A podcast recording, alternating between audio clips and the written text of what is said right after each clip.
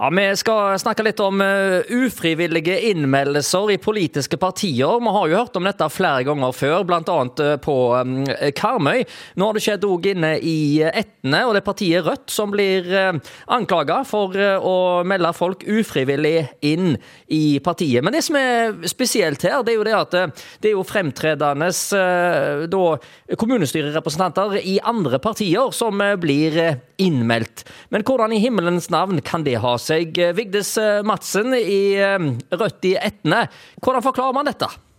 Nei, Det er et godt spørsmål. Det aner jeg ikke. Jeg vet ikke hvem det er som sitter og syns at dette her er morsomt. Det er ikke morsomt for de som blir ramma, og det er ikke morsomt for oss som må sitte og ringe og få kjeft av kommunestyrepolitikere, kollegaer fra andre partier, fordi at de blir ufrivillig meldt inn i Rødt. Men det er ikke vi som gjør det. Og vi er ikke interessert i å ha Høyre-folk i Rødt, eller folk som ikke er Rødt. Vi er ikke Rødt-folk i Rødt. Mange syns jo det er litt uh, morsomt, dette, da, fordi det er jo uh, gjort på en sånn en måte at det er helt åpenbart at de ville oppdage det med en gang. Det er klart Når de får da faktura eller betalingspåminnelse, og de sitter i kommunestyret for et annet parti, så må de jo oppdage dette. Så det er jo ikke sånn at en her har forsøkt å pynte på listene sine.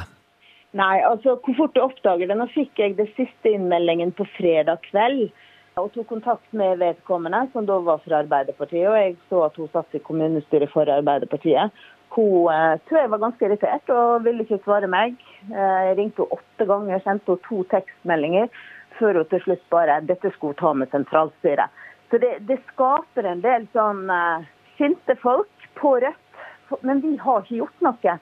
Og vi blir nå sjikanert, skjelt ut, mottar ganske mye på Facebook og andre steder, og det er ikke så veldig gøy. Dette her er en ting vi gjør frivillig. og At noen skal sitte og holde på med dette her og ta fokus vekk fra det vi egentlig skal holde på med. Ja, du, altså, Fortell litt om det. Hvordan er det man eh, blir meldt inn i et eh, politisk parti? Er det sånn at en tredjeperson her i prinsippet bare kan sende inn en innmelding på vegne av andre? Og eventuelt, hvis det er sånt, burde han ikke da sitte på rutinene?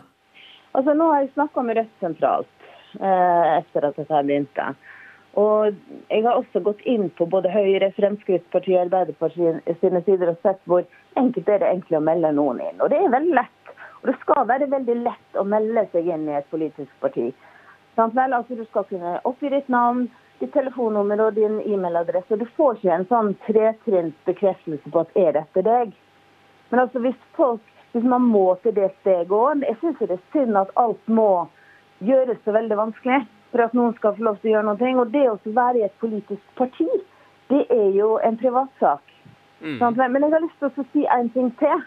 Den som holder på med dette, sånn, egentlig så er jo dette en form for dokumentforfalskning.